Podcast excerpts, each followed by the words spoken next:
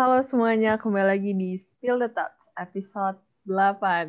Yeay. Yeay. Kita mau ngebahas, uh, mungkin teman-teman udah pada kepo juga kali ya tentang topik ini. Jadi kita mau bahas kuliah versus kerja. Nah, jadi di sini kita tentunya nggak sendiri karena kita belum kerja gitu. Jadi siapa yang bisa ngomong tentang kerjaan gitu kan. Orang ini adalah mentor gue juga. Kayak he's one of the person that I always look up to when it comes to organisasi lah atau kerja. Gue selalu nanya sama dia. Pokoknya keren banget deh nih orang. Ini kita sapa dulu kali ya. Halo Kak. Kak siapa sih namanya? Oh Abah. gitu lupa nama gue ya. Halo. Ya, Halo. halo sana. Halo, perkenalan dulu dong Kak. Oke. Kenalin, nama gue Akbar, lulusan Ilmu Kelautan Universitas Brawijaya tahun 2016. Baru lulus Wow. Oktober kemarin ya. Wow, wow, wow. Keren banget. Oke, em, kan sekarang berarti Kak Akbar udah lulus, udah kerja juga kan ya Kak. Nah, Kakak sekarang lagi sibuknya apa sih atau lagi kerja di mana? Sekarang lagi diperbantukan di Kementerian Kelautan dan Perikanan, subdit restorasi. Jadi lebih banyak ngurusin tentang kegiatan rehabilitasi mangrove di pesisir. Keren banget. Karena tadi Kak, Akbar juga udah bilang kalau misalnya udah kerja juga di bidang kelautan sesuai sama kuliahnya lah ya.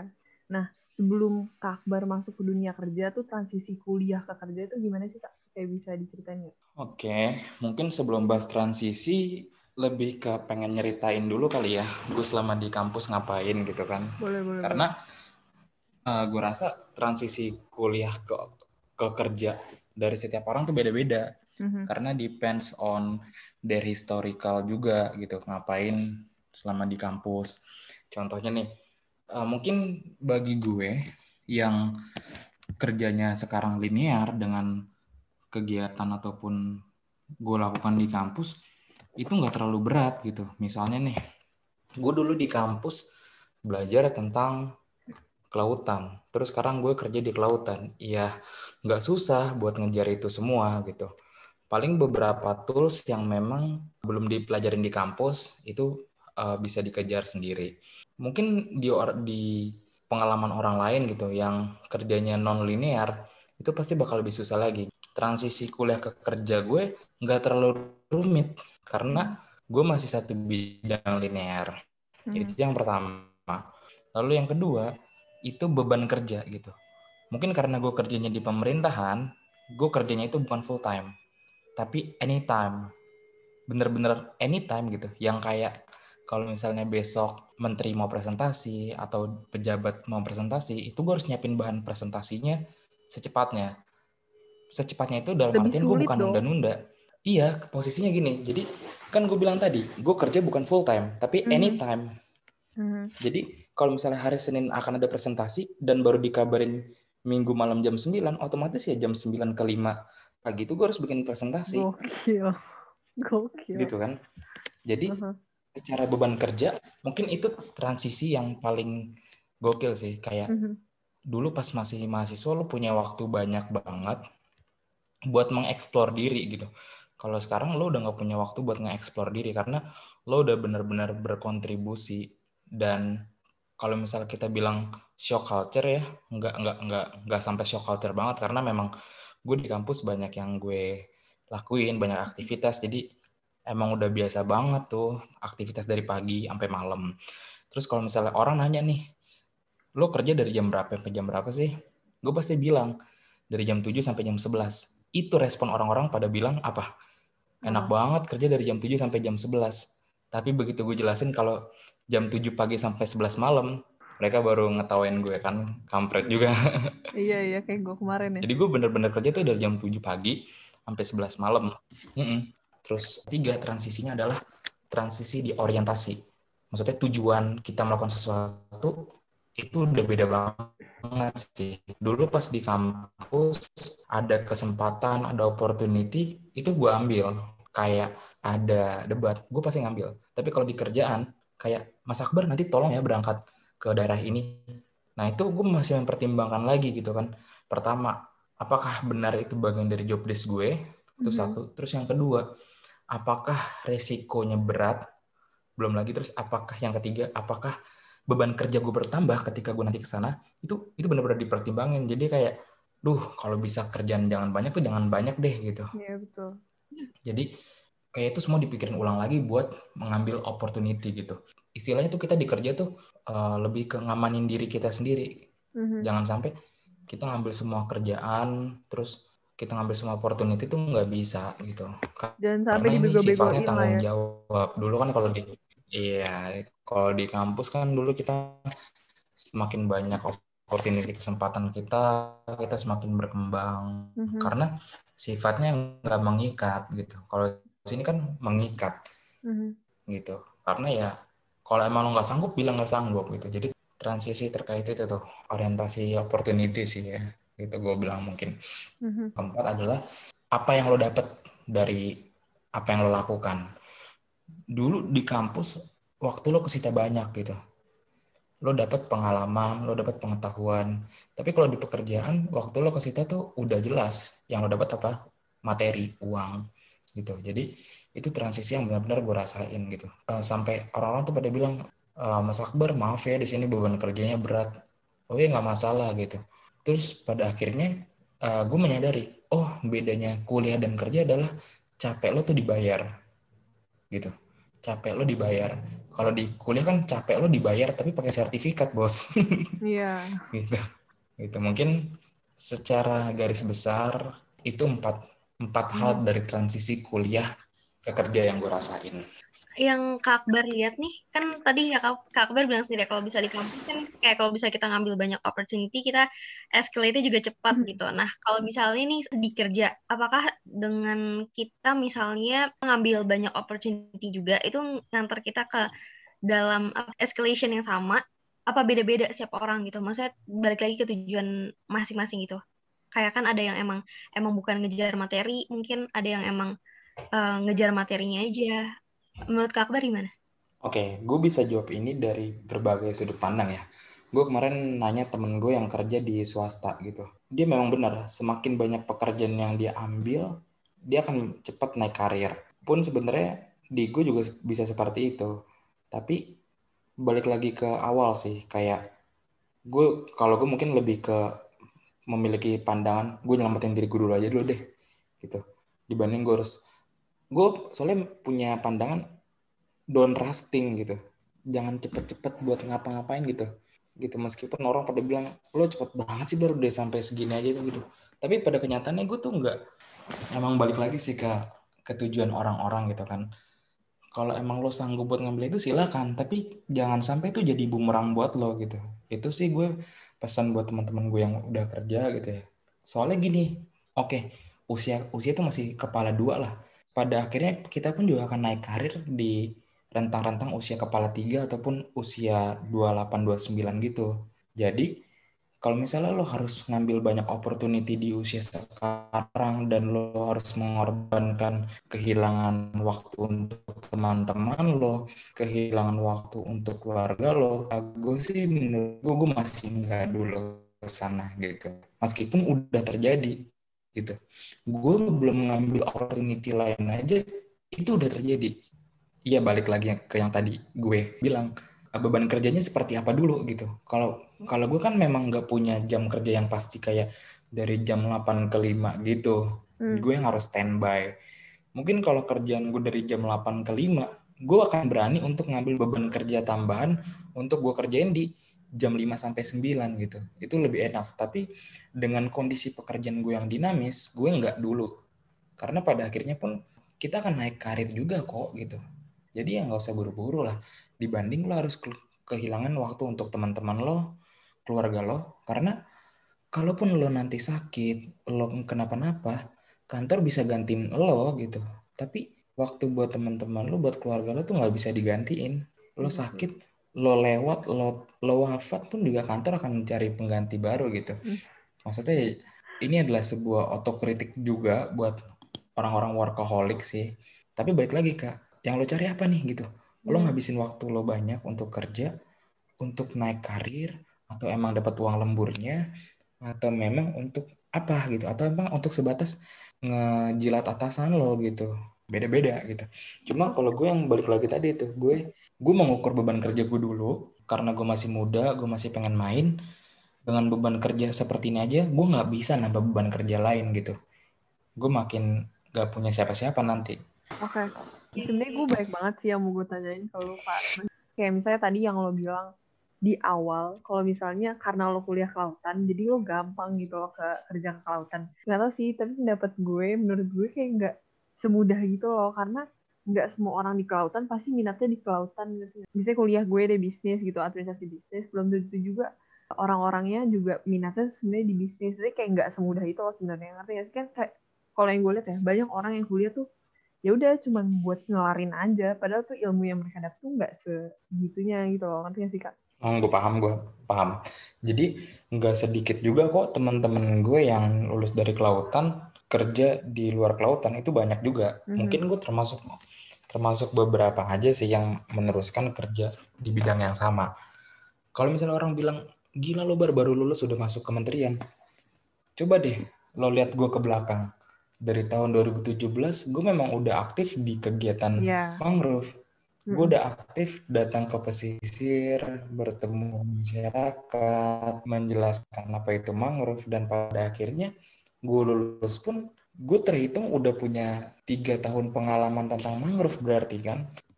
Gitu loh. Jadi iya. orientasinya adalah pembelajaran saat di kampus sama ya apa yang lo lakukan di kampus juga gitu. Bagaimana dengan teman-teman gue yang mungkin nggak kerjanya di kelautan? Ya itu ya terserah mereka mm-hmm. gitu itu adalah hak mm-hmm. mereka gitu balik lagi deh kerja itu sebenarnya untuk apa tujuannya gitu yeah ada kerja orang yang untuk bahagia.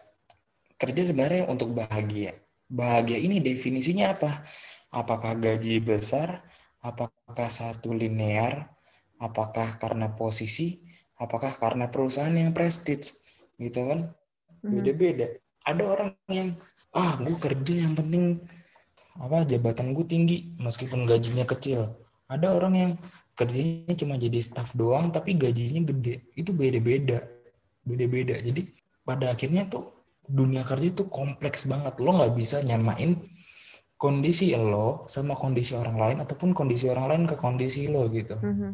betul, gitu. karena yang dikejar tuh orang beda ada orang yang kerja tuh untuk cuma sekadar bisa bayar listrik di rumah doang ada orang yang kerja emang gue mau kerja dua digit. Kalau nggak dua digit pas masih kuliah ya udah kita kuliah. Intinya saat kita kerja tujuan yang berbeda juga. Buat yang suka organisasi dan orang-orang yang suka ataupun lain itu nggak bisa. Beda-beda. Iya paling itu sih kak yang gue salut sama lo juga. Misalnya lo tahu dari dulu tuh yang lo suka tuh apa terus lo bahkan kerja di bidang itu juga sekarang. Nah terus yang gue mau tanya juga tadi yang lo bilang sanggup sanggup apa enggak? Saya lo misalnya lo ngambil kerjaan tuh sanggup atau enggak? Kadang tuh gue ngerasa gue nggak tahu nih sebenarnya gue sanggup atau enggak tapi ya udah coba aja. Sih kayak kita nggak tahu kita sanggup atau enggak kalau misalnya kita nggak nyoba gitu. Ya nggak sih kak? Atau gimana menurut lo? Iya benar kita nggak akan tahu suatu pekerjaan suatu kesanggupan diri kita sebelum kita mencoba. Tapi hmm. kita kan bisa menganalisis sebenarnya. Kadang kalau kita nge-apply kerjaan kan kita baca job desk baca requirement kita fit in nggak sih sama posisi ini? Ternyata kalau misalnya kita nggak sanggup kita nggak bisa survive dan kita udah tekan kontrak di kontrak itu kan ada perjanjian lagi. Kalau lo keluar di bulan berapa lo keluar di bulan berapa ada penalti kah? Atau hmm. ada sanksi-sanksi lainnya kan? Jadi kalau misalnya lo nanti masuk dunia kerja lo ada interview nanti kan akan ada, akan ada kesempatan tuh apakah ada yang ditanyakan mas mbak gitu tanyain hmm. gitu tanyain apa sih uh, Bapak ataupun Ibu yang Bapak harapkan dari saya? Atau ekspektasi apa yang Bapak miliki ke saya? Ataupun apa sih yang Bapak inginkan di tiga bulan pertama saya? Itu udah harus dibuka di awal juga, kayak terkait kesanggupan kesanggupan.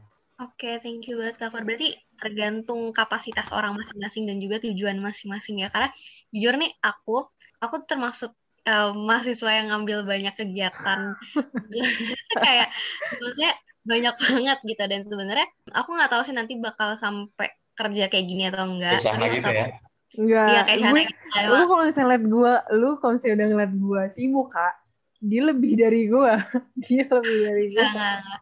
Ya, pokoknya gitu. Tapi orient sebenarnya kayak orientasi aku adalah sebenarnya hampir sama kayak kakak sih kayak I like the things that I do right now gitu kayak kakak kan suka mangrove, aku suka banget bisnis gitu. Jadi kayak eh, apa yang aku lakukan sekarang mau dibayar kayak mau enggak ya karena aku suka banget dan aku yakin buahnya itu bukan aku petik sekarang tapi nanti gitu loh. Tapi aku setuju banget kalau misalnya itu tergantung sama kapasitas diri kita kayak maksudnya kita bisa analisis ini cocok atau enggak dan balik lagi nanti kalau bisa kita udah kerja itu apa namanya orientasi kita apa gitu. Anyway, um, Kak Akbar kan aku dengar dari Shana nih sempet bisnis juga ya Kak. Ya nggak sih? Mhm. Oh iya ya. Wah. Eh tapi Iya, sebelum itu- ngomongin itu eh, pengen nambahin juga sih terkait yang Iya, tadi. iya silakan Kak. Em, tadi kan ngomong ya suka banget nih ngelakuin yang disuka. Nanti kalau dia di dunia kerja tuh ada dua mazhab, do what you like atau like what you do. Oh ya. Ya bersyukurlah sama orang-orang yang do what you like gitu. Pada akhirnya ada ada juga orang-orang yang like what you do gitu, mensyukuri apa yang dia lakukan sekarang gitu. Mungkin ya kalau gue uh, pernah sih sharing juga sama orang lain kan, gue nih ber kalau mau ngikutin apa yang gue suka terus, gue sekarang nggak kerja, gue mau nge-explore Indonesia. Pada akhirnya kan nggak bisa, ujung-ujungnya dia harus mencintai pekerjaan dia dan menerima kalau dia sekarang duduk di depan komputer Hmm. selama 8 jam dalam satu hari gitu. Mungkin ada beberapa momen baru nanti do what you like. Jadi itu kan balik lagi ke kondisi orang-orang gitu. Mungkin tadi bisa ngomong kayak gitu karena belum ada benturan-benturan yang memaksa kalau udahlah like what you do gitu. Nanti mungkin ada masanya ataupun ada fasenya sendiri. Mhm. Oke. Tapi itu motivasi juga gak sih? Karena Iya, jujur aku benar, juga benar, ngalamin gitu. Kayak eh, apa namanya kan sekarang maksudnya aku building bisnis aku jadi kayak skincare gitu dan itu modalnya lumayan banyak kan. Aku nyari berbagai hal yang bisa jadi jalan pintas aku menuju modal ini nggak jalan pintas sih sebenarnya kayak banyak step gitu. Jadi nggak aku tetap ngeliat itu sebagai motivasi mau itu susah kayak tapi kayak aku ngeliatnya kayak itu bakal jadi satu hal yang jadi aku senengin gitu loh. Jadi Mhm. kayak motivasi gitu.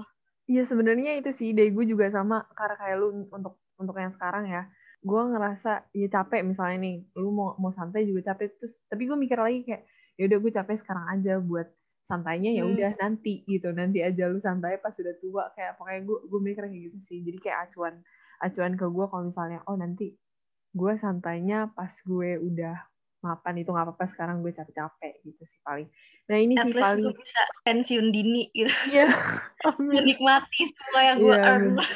Iya, semoga Mimpi kita semua. Iya, amin deh. Semoga Kak Akbar nggak denger ya ketawanya. Kayak udah masuk dunia kerja. Ini sih paling sebelum tadi kita ke eh, yang bisnis juga. Kan lo dari ker- dari kuliah nih langsung kerja itu gimana Kak? Lu kayak dari kuliah langsung kerja kah atau sempat nganggur dulu atau gimana? Kalau misalnya bisa dibilang ya, gue itu setelah sidang itu nganggur cuma satu hari. Mantap. nganggur serius gue setelah sidang itu cuma nganggur cuma satu hari karena dari sebelum sidang gue tuh udah mempersiapkan bisnis kan Oh ya. ya ya nyari kerja tuh sebelum sebelumnya lagi Mhm. tapi karena eh, untuk nyari kerja tuh biasanya gue udah mensiasati nih oh gue sidang Oktober berarti gue nyari kerja dari bulan Juni ataupun bulan Julinya. Nah karena mungkin cukup lama ya panggilan panggilan interview ya udahlah gue coba bisnis dulu aja.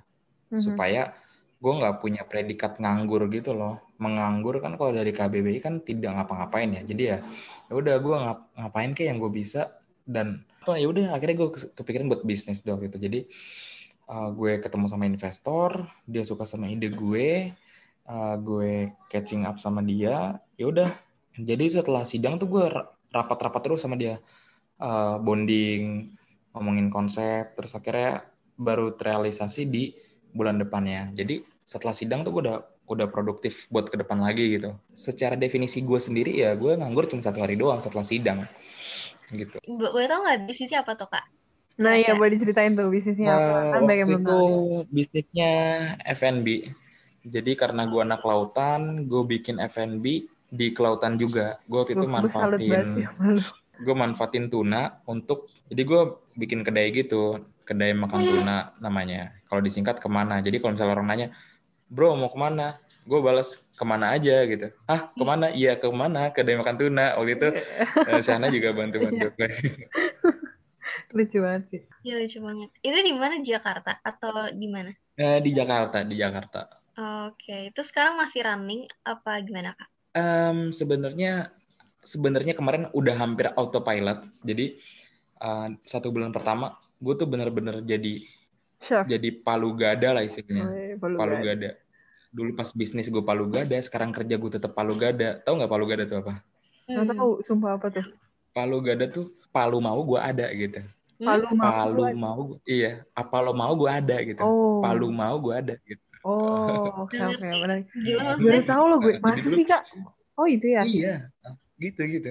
Enggak masalahnya ya. Masalah palu gada ini zaman-zaman gue Hmm. pernah ini kan dijadiin eh, apa namanya kode kode voucher di Grab kok di Malang waktu itu. Gue gak tahu sih di Jakarta juga ada. Jadi dikirain gue tuh kayak bahasa Ah, Jawa Oh, iya. nih anak anak voucher voucher Grab banget. Kalau gak ada. Ya Allah. Aduh Oh Gitu. gitu. Tapi gara-gara pandemi pas ya, kayak terimpact banget. Iya sih benar. Justru itu pas pandemi Em, gini Oh. justru gara-gara gue buka pas pandemi gitu kan Oktober kan gue baru lulus tuh gue baru buka November kan orang-orang pada pada bilang gue gila gitu karena gila lo pandemi malah buka bisnis F&B lagi gitu kan modal lo berapa habis berapa udah BEP belum gitu kan wow banyak deh pertanyaan-pertanyaan kan jadi di satu bulan pertama gue ngurusin supply chain juga gue ngurusin uh, engagement ke customer gue harus ningkatin hard selling door to door bikin konten itu semua gue sendiri gue sendiri. Bahkan untuk masak di tempatnya pun juga yang ngejagain nyuci itu gue semua juga sendiri. Mungkin teman-teman gue pada nggak ada yang mau gitu gitu kan. Gue bilang kayak ayolah bagi hasil sama gue gitu. Tapi pada akhirnya nggak ada yang mau catch up sama gue akhirnya gue nyari helper. Gue nyari helper gue dapat helper pertama. Gue seneng nih sama helper gue. Ternyata dari sekian banyak helper yang eh calon helper yang datang ke gue tuh mereka pada bilang kayak nanya berapa sih gajinya? Berapa ininya? gitu. Tapi ada satu orang helper waktu itu ini helper dapur ya? Hmm. oh gue mau nih gue suka di dapur gitu kan. Oh yaudah langsung aja. Gue nggak basa-basi langsung. Udah tuh ternyata dia itu kan memang untuk melakukan apa yang dia suka tuh ya kan? Ternyata nggak disetujuin sama orang tuanya. Jadi dia cuma tiga hari doang di tempat gue karena dia harus dipaksa orang tuanya buat lo kerja sesuai dengan jurusan lo gitu. Aduh sayang banget gitu. ya. Jadi ya abis itu gue dapat helper baru. Helper baru ini cuma bertahan tiga hari lagi karena Waduh. dia positif. Hmm. dia positif covid dan sampai ya keluarganya juga kena dampak bahkan sampai harus berduka kehilangan orang tuanya satu. Aduh sedih itu banget. gue turut prihatin banget sih. Dan gue waktu itu jadi ya, gue gue nggak mau menggantikan posisi dia karena dia positif. Eh, ya udah gue gue nutup 14 hari. Gue nutup 14 hari ternyata di situ posisinya ya di situ investor gue juga nggak nggak bisa lagi lah ngasih gue kesempatan. Karena eh, gue itu juga pertama megang helper dianggap gue nggak mampu terus yang kedua ada kejadian kayak gini tapi gue nggak nge-backup di lapangan karena gue di situ udah mulai aktif di kementerian gitu. Jadi ya ya udahlah gue daripada ada namanya opportunity cost ya dalam berkarir. Lo nggak bisa ngambil semua kesempatan gitu. Ada sesuatu Iya. yang harus lo korbanin. Ya udah pada saat itu gue korbanin bisnis gue deh. Karena gue berpikir oh, untuk saat ini gue butuh penghasilan yang tetap dulu. Tapi setidaknya gue udah pernah menjalankan apa yang gue mau. Bener banget sih. Aku agak relate sih, apa namanya, sama struggle-nya. Iya banget. Kayak aku, apa kalau bisa awal bisnis itu, apalagi kayak ya nggak ada siapa-siapa, emang harus one man show. Itu emang berat banget sih, jujur gitu. Mungkin bisa tambahin dikit kayak apa namanya, opportunity cost, aku juga relate banget. Karena aku tuh, kayak aku dulu pernah punya off shop lumayan gede gitu, kayak lumayan banget lah gitu. Tapi pada saat itu harus aku tinggal ke eh, Brazil waktu itu aku exchange. Dan itu aku nggak bisa jalan lagi karena kayak nggak bisa aku iniin akhirnya emang harus dikorbanin mau nggak mau. Dan opportunity cost-nya lumayan gede. Cuma apa yang aku tukar ya sepadan dengan apa yang aku tukar juga gitu. Jadi nggak apa sih kesempatan itu bisa datang kapan aja. Dan mungkin nggak sekarang gitu. Mm-hmm, betul gitu betul. Setuju sih gue. Kalau misalnya dari opportunity cost sih gue nerapin opportunity cost ini ketika gue lagi bingung akan sesuatu gitu milih kayak dua pilihan gitu. Kayak misalnya yang satu nih gue harus join organisasi misalnya. Yang satu lagi gue ada kerjaan misalnya. Ya gue harus menimbang dulu misalnya opportunity cost yang bakal gue relain tuh seperti apa yang bakal gue dapetin gimana nah itu menurut gue lumayan efektif juga sih kalau misalnya kita nerapin opportunity cost sebenarnya bukan di masa kerjaan doang kayak ada di mana-mana sih menurut gue. Nah oke tadi kan Kak Akbar juga udah bilang kalau misalnya pernah sempat kerja bisnis juga sekarang lagi kantoran juga. Nah kalau dari Kak Akbar bedanya bisnis sama kerja kantoran tuh gimana? Karena kan banyak kan orang yang kerja kantoran terus kayak aduh kayaknya gue bakal mau bisnis aja deh kayak soalnya kalau bisnis kan orang cenderung kayak apa ya menerapkan peraturan mereka sendiri gitu gak sih? Kayak lu mau kerja kapan juga serah lu apa apa serah lu pokoknya ya ya udah lu lu yang ngarahin lo yang ngontrol diri lo sendiri kayak you have the control full control of yourself gitu. Karena kayak gitu mungkin ya orang-orang. Nah menurut lo nih kak gimana bedanya bisnis sama kerja kantoran gitu? Kalau ngomongin bisnis sama kerja kantoran, sebenarnya sih balik ke orangnya pribadi ya. Dia lebih suka diarahkan atau dia mengarahkan itu itu dari situ aja udah beda. Mm-hmm. Tapi gak semata-mata orang yang kerja di kantoran itu selamanya diarahkan. Kita kan tetap mengambil inisiatif sendiri. Kita tetap menyelesaikan masalah sendiri juga. Gak mungkin pimpinan yang ada di top tier terus tiba-tiba turun ke bawah. Artinya kan manajer-manajer atau pimpinan-pimpinan di bawahnya nggak bisa membantu menyelesaikan itu. Dan juga yang bersangkutan dianggap tidak bisa menyelesaikan masalahnya ataupun tidak berkapabilitas untuk bekerja. Intinya ya, bisnis ataupun kerja kantoran itu nggak bisa dijadikan perdebatan. Mm -hmm. Karena beda banget. Kalau misalnya lo bilang, tadi kan itu adalah misalnya, uh, jadi sifatnya di sini gue memberikan premis, gue memberikan argumen juga. Premisnya adalah orang kerja kantoran itu diarahkan, orang bisnis itu mengarahkan. Nggak bisa. Mm -hmm. Karena yang tadi gue bilang, orang kerja kantoran pun kita tetap mengarahkan diri kita sendiri, kita berinisiatif, kita ngambil keputusan sendiri juga. Tapi itu semua berdasarkan pertimbangan-pertimbangan pimpinan ataupun atasan. Nah, kalau untuk bisnis sama kerja kantoran sekarang gini, bisnis pun kalau misalnya lo kerjanya cuma tidur tiduran lo mau kerja seenaknya apakah sepadan sama orang yang kerjanya dari 8 ke 5 hmm, gue rasa sih enggak gitu ya. Jadi ya bisnis pun lo juga tetap bahkan di beberapa studi kasus ada orang yang bisnis kerjanya dari 7 pagi ke 11 malam itu ada. Jadi ya balik lagi ke usaha lo. Terus kan lo semakin bekerja keras yang dapat penghasilan banyak pimpinan lo enggak juga gitu. Tergantung bisnis lo apa. Lo jualan ini jualan rujak di padang pasir siapa yang beli juga? Lo mau jualan dari jam berapa sampai jam oh, iya, berapa? mm-hmm. kita belum ngomongin itu ya kan? Kita belum ngomongin indicate marketnya siapa segala macam nggak bisa sih kayak lo nggak debat jatuhnya debat kusir kita nggak bisa. Belum lagi ada orang yang sekarang anak-anak IT yang kerjanya dapat dua digit sama orang yang bisnis UMKM gitu kan. F&B kecil-kecilan.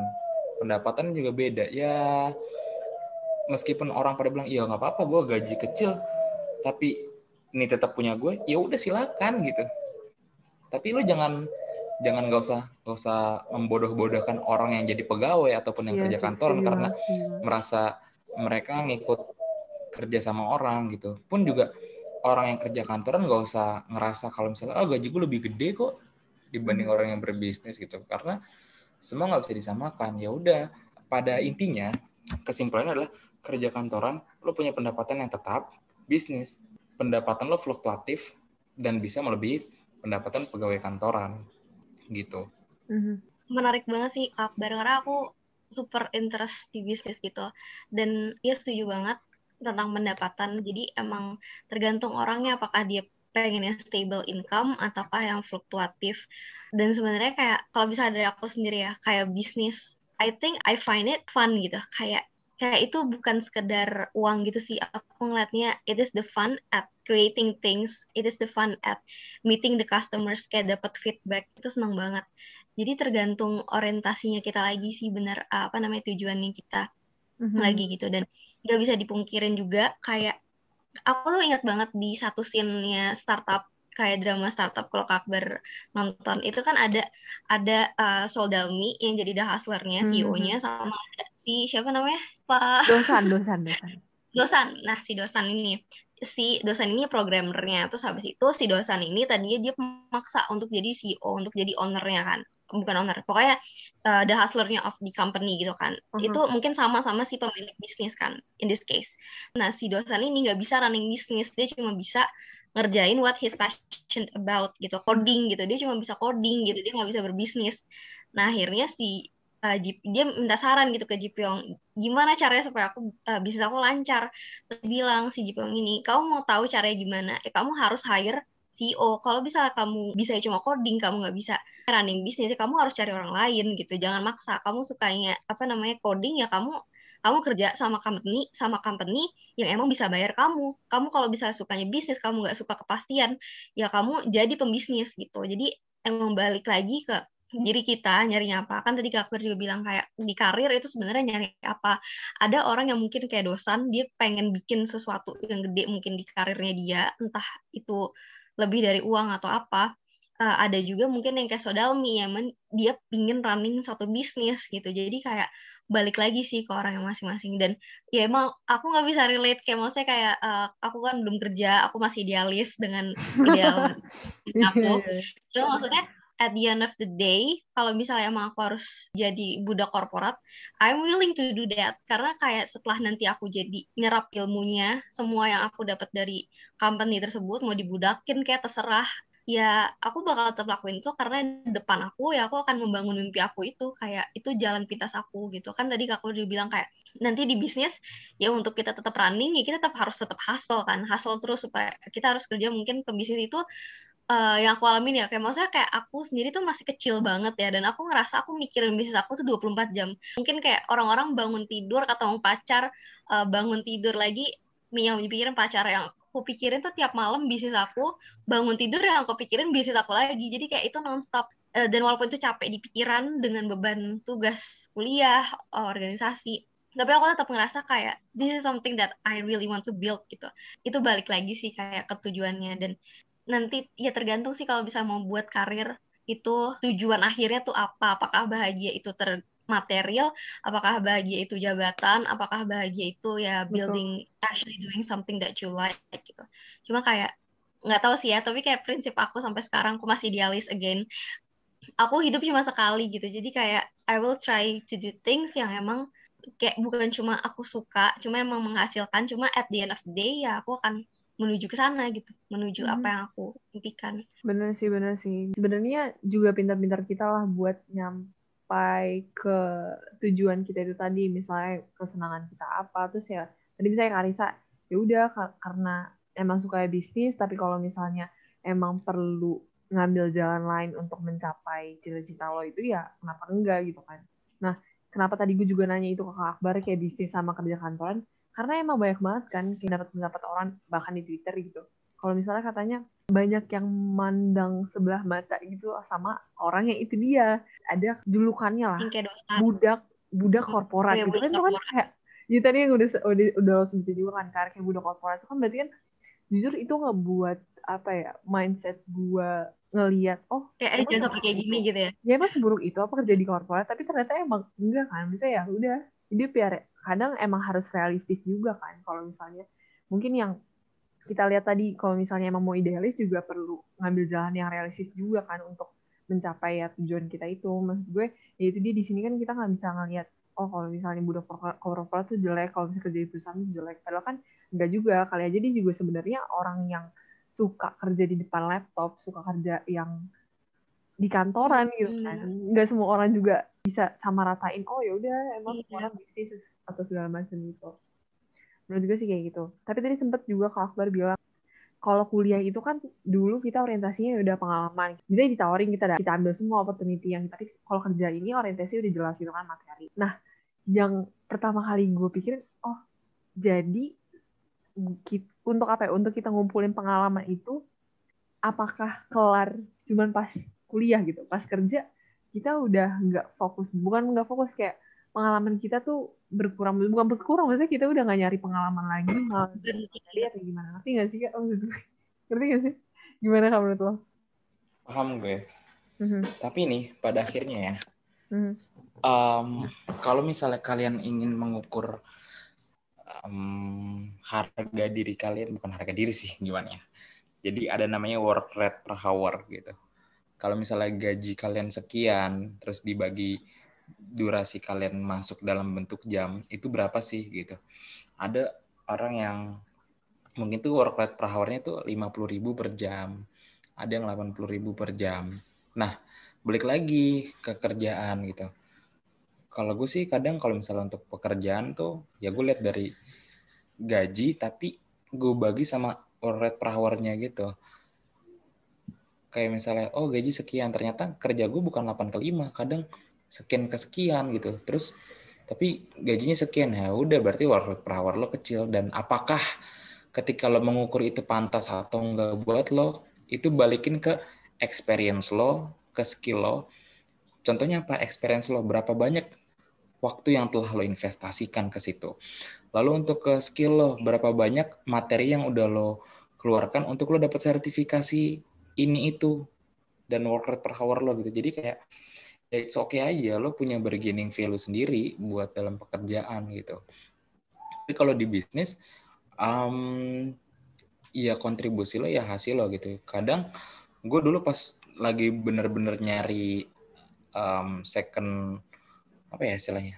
Gue nyari COO gitu gue nyari COO buat ya udah kerja apa pendapatan lo adalah hasil kerja keras lo gitu. Gue bilang gue di sini gue sebagai pengambil keputusan lo sebagai operasional di lapangan gitu. Gitu. Lo ada apa-apa hubungin gue tapi lo jangan marah ataupun lo jangan ngerasa anjir cuma segini doang. Ya itu karena kerja keras lo itu di bisnis. Jadi di bisnis itu nggak ada work rate per hour. Tapi nih aku penasaran deh uh, tujuan akhir kakbar tuh apa sih? Maksudnya mimpi besar nanti nih setelah uh, apa namanya ada di kementerian ini. Tujuan akhir kakbar apa ya mungkin tadi gue juga mau nanya itu sih paling kayak orientasi kerja lo kan tadi kan lo bilang kalau saya orang tuh biasanya ada orang yang kerja tuh yang buat ngumpulin uang, ada yang buat kesenangan, ada yang emang kerja karena senang, ada yang emang karena uang. Kalau kalau lo apa tujuan akhir lo juga? Uh, berat sih ditanya gini soalnya karena hampir semuanya gue dapet itu. Jadi sampai gue bingung tujuan gue sebenarnya apa sih kerja di kementerian karena karena ya pada akhirnya banyak yang bilang maksudnya ya gue juga dapat pengakuan dari orang karena bisa kerja di kementerian terus gue dapat pendapatan yang dibilang bisa cukup lah untuk gue di usia sekarang terus gue juga dapat atau knowledge ataupun experience yang gue belum pernah dapat itu. Tapi pada akhirnya yang gue cari di sini adalah tingkatan karir lebih lanjut. Um, gue kemarin sempat teleponan sama salah satu networking gue di NGO. Uh, Akbar setelah dari kementerian tetap pengen di NGO atau gimana nih gitu. Dan gue udah tahu arah pembicaraan itu mungkin lebih ke kayak ya udah lalu kalau dari kementerian masuk NGO gue aja gitu. Jadi memang di kementerian adalah orientasi gue adalah jadi batu loncatan untuk karir ke depannya gitu. Kalau untuk pendapatan, untuk pengakuan dari orang, knowledge itu adalah bonus. Tapi di usia yang muda, jadi ini itu adalah pengalaman dan batu loncatan. Oke. Ini sih karena tadi lo juga yang gue lihat ya dari lo, lo tuh udah emang minatnya udah di maritiman lah, udah apa ya lu kerja juga udah sesuai lah di bidang lo. Nah, tapi lu lu tahu ikigai kan, Kak? Menurut lo lo udah mencapai nggak ikigai lo itu? Kayak what's your point of view of this ikigai? Um, udah, udah, tapi gue masih ada kekhawatiran karena status gue gitu. Uh, maksudnya gue kan di sini diperbantukan ya, diperbantukan itu secara kasarnya ya gue honorer gitu. ke depannya gue nggak akan ada peningkatan karir ya udah honorer sampai kapan pun honorer ketika kecuali kalau lo PNS gitu Mhm. Gitu. Jadi gue lebih mempertanyakan ini gue jenjang karir ke mana? gitu. Apakah gue terus-terusan jadi honorer 10 tahun? gitu kan.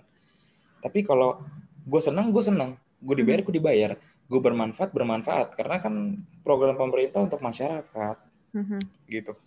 Cuma yang kecemasan gue adalah ah, di situ jenjang karir gue mau dibawa ke mana gitu. Gue juga masih pengen S2 gue juga masih pengen punya bisnis sendiri lagi. Wow. Eh, mungkin akan berat sih nanti ketika datang waktunya untuk meninggalkan ini semua Mhm. Again uh, apa namanya ada opportunity cost yang bisa ditukar ya. Berarti buat rencana ke depan lo, lo bakal stay dulu nih di kementerian sambil nyari S2 lagi gitu atau lo mau apa? Em, gue sebenarnya nggak tertarik jadi PNS, tapi gue bakal coba CPNS karena ketika lo sebenarnya banyak sih, banyak rencana. Jadi kalau lo menyusun rencana itu, diusahakan strateginya snowball. Gue jadi PNS itu bukan semata-mata untuk ya udah untuk karir yang lebih aman, tapi ketika gue masuk jadi PNS, gue bakal ikut LPDP jalur PNS gitu. Wow, wow, wow, wow. Berarti itu kayak balik lagi ke topik kita sebelumnya kayak in order to achieve something that we really want, uh, kakak ngelakuin hal yang mungkin sekarang menurut kakak kayak agak diperbudakin gitu, tapi kayak ya udah lakuin aja karena kayak you're motivated untuk ikut LPDP gitu dengan jalur yang lebih fast track. Aku itu keren banget sih. Iya keren banget sih, Tuh. keren banget sih. Tapi Mhm. pada intinya ada tiga hal yang nggak mungkin bisa lo dapetin secara bersamaan. Apa? Tenaga, waktu, uang Iya, gitu. setuju. Ketika lo punya tenaga, lo punya waktu, lo nggak punya uang. Ketika lo punya tenaga, lo punya uang, lo nggak punya waktu. Lo punya uang, lo punya waktu, lo nggak punya tenaga. Ada sebenarnya ilustrasi untuk menggambarkan itu. Jadi pas lo masih SMA, lo punya tenaga, lo punya waktu banyak banget, tapi lo nggak punya uang. Tapi begitu lo udah masuk di fase bekerja, lo punya tenaga, lo pakai untuk bekerja, dan lo punya uang dari hasil kerja lo, tapi lo nggak punya waktu untuk bermain. Dan begitu ketika lo usia udah usia lanjut, lo tuh udah nggak punya tenaga, tapi lo udah punya uang dan punya waktu banyak. Mungkin satu banding berapa ratus ribu kali yang bisa memiliki itu bersamaan dengan berbagai macam privilege yang dia punya Ya. sebelumnya Iya betul, setuju. ya kan. Nah, cuma pada intinya kuliah versus kerja ini adalah di kuliah lo punya waktu banyak banget buat take all the opportunity. Ya udah lakuin yang lo mau, lakuin yang lo bisa, lakuin yang berdampak buat lima tahun lo lagi lah kira-kira gitu. Jangan terlalu musingin sesuatu yang lima menit ke depan, 10 menit ke depan. Jadi kadang banyak orang overthinking gitu. Bahkan sampai teman kos gue tuh kalau ngeliat gue tidur, lu tidur nggak pernah overthinking bar.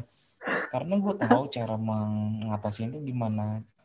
Oh Gimana? jangan jangan memikirkan sesuatu lebih dari lima menit ketika itu bukan berdampak ke lo lima tahun. Oke. Ini five minute concept. Oke, berarti jangan eh, jangan memikirkan sesuatu selama lebih dari lima menit untuk hal yang tidak berdampak ke kalian lima tahun ke depan gitu. Exactly. Atau nggak belum tentu berdampak kayak kan kayak lagunya Kunto Aji tuh apa namanya? Oke. yang kau gitu. pikirkan tidak akan terjadi aja. Iya, iya. Bener, bener, bener. Tapi sebenarnya kalau misalnya masalah overthinking gitu sulit lebih sih. kompleks ya sih? Iya, itu kompleks. Itu lebih kompleks. It's not something that we can control gitu loh menurut gue kayak. Iya. Iya kan? Kita Karena mungkin tahu.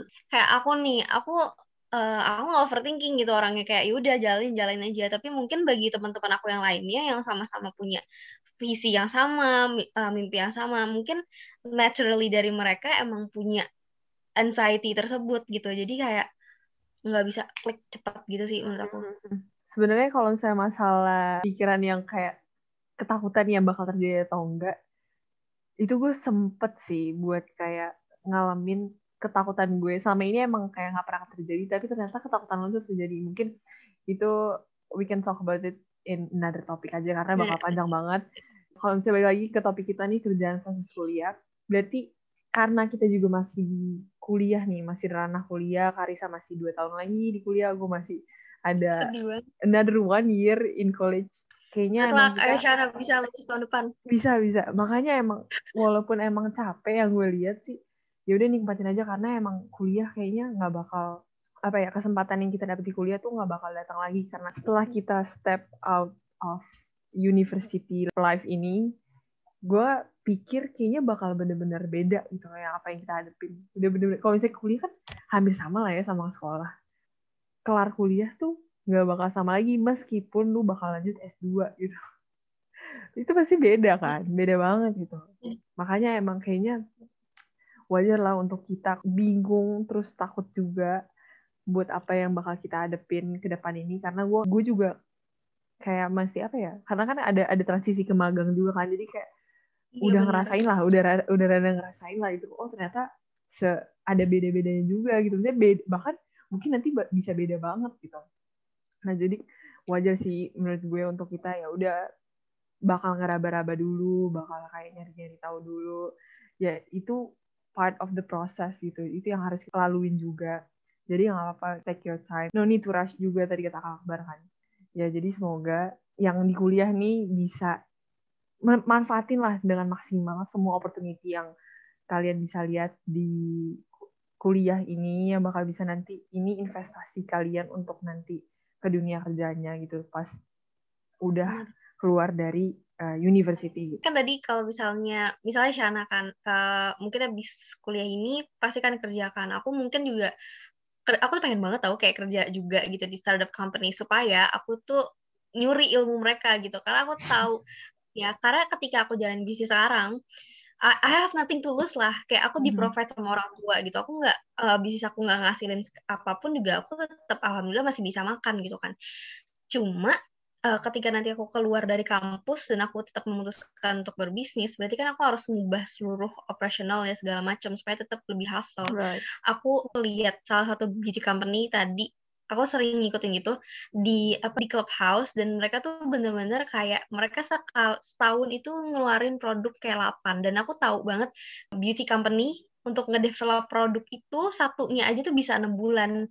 Bayangin mereka tuh sehasil apa sampai harus ngeluarin 8 produk dalam satu tahun gitu. Yeah. Di mana normalnya mungkin iya gila gokil banget. Da, gimana normalnya dalam setahun itu biasanya beauty company cuma ngeluarin dua produk dua produk hmm. gila gak sih kayak dua produk dibandingkan delapan produk gitu. Jadi mereka sangat apa dan aku ngerasa aku nggak punya I have I'm not that hustler gitu. Kayak maksudnya kayak hmm. gila itu hustler banget ya tidur hmm. kali kan. Nah makanya itu in order to achieve that nanti di dunia kerja maksudnya nanti setelah aku step out dari university aku harus kerja di di company yang bisa gerak cepat gitu. Supaya aku bisa supaya aku bisa cepat juga. Dan mungkin ngambil resource-nya supaya kayak hmm, ya membangun itu juga lagi gitu jadi again back at again jadi eh, struggle itu nggak terhindarkan ya kayak maksudnya aku Betul. ingat banget satu quote dari dari Uma Hapsari uh, salah satu role model aku role model aku banget di entrepreneur Indonesia yeah Iya banget kayak banget gitu. Dia bilang kayak katanya inter, being an entrepreneur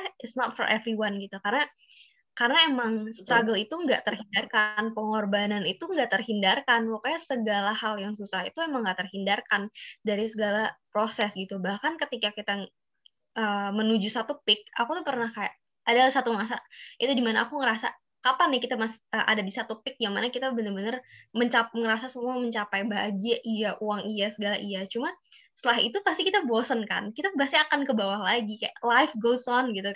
Ya emang kayak gitu terus kayak ketika kita udah mencapai tujuan tersebut kita pasti akan terpacu lagi oke okay, gue struggle lagi. Dan itu akan goes on terus sampai betul, kita betul. mati sih. Betul emang sebenarnya nggak ada habisnya sih. Kalau balik lagi yang ke podcast kita episode berapa tuh kan yang New Year New Year resolution. Oh iya benar Kita lebih baik lebih fokus ke prosesnya gitu. Karena kalau misalnya lebih ya, fokus bener. ke goal doang, setelah kita udah mencapai goal itu, ya udah kadang kadang tuh pas udah nyampe kayak and now what gitu. Apalagi cuy karena lebih lebih sibuk fokus di goal tapi prosesnya tuh enggak lo nikmatin.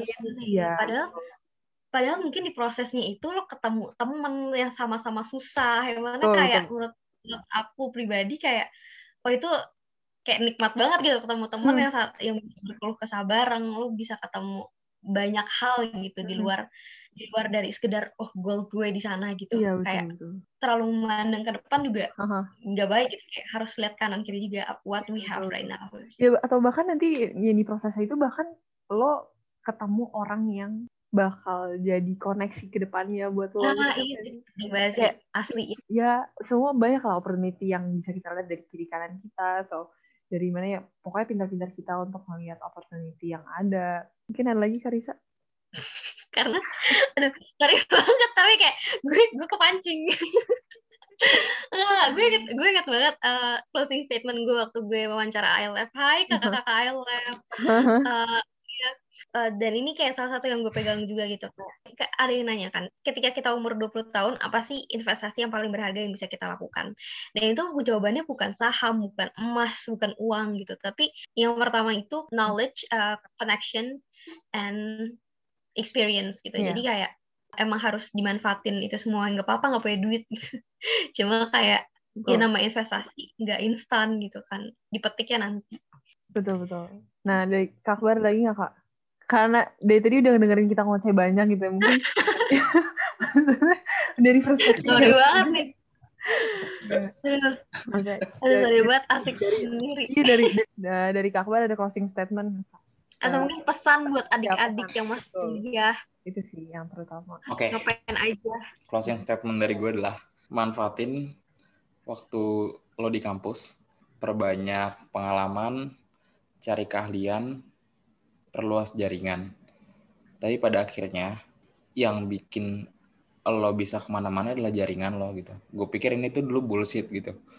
Kayak jaringan-jaringan-jaringan ternyata lo ke sana sini tuh jaringan gitu.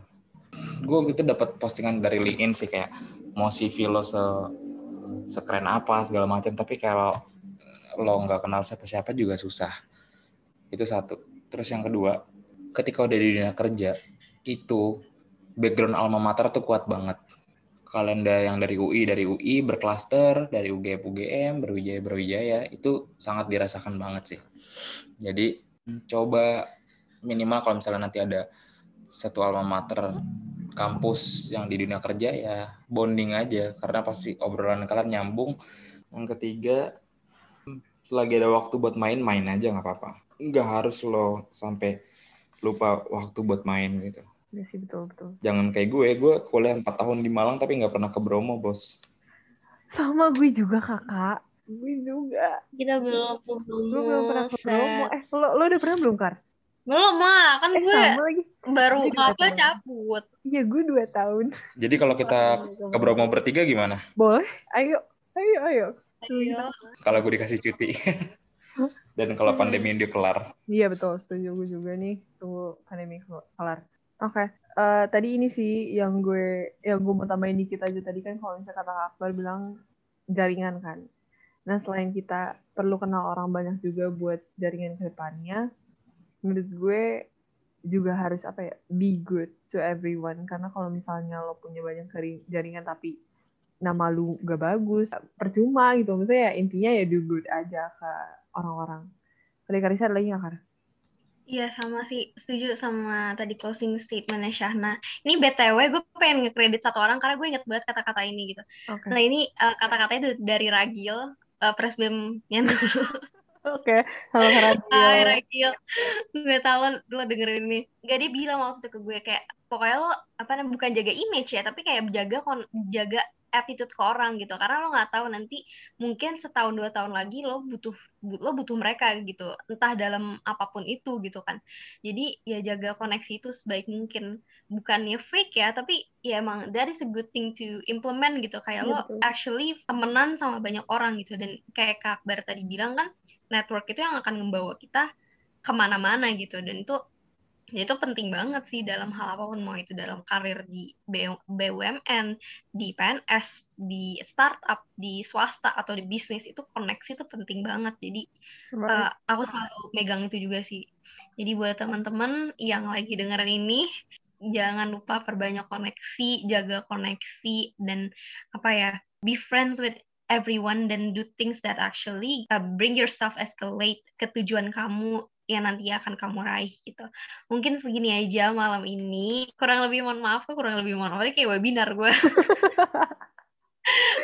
Makasih Kak Bar udah Terima kasih Kak Bar atas waktunya. Thank you so much juga buat teman-teman yang listening and see you guys on the next episode. Bye. Bye.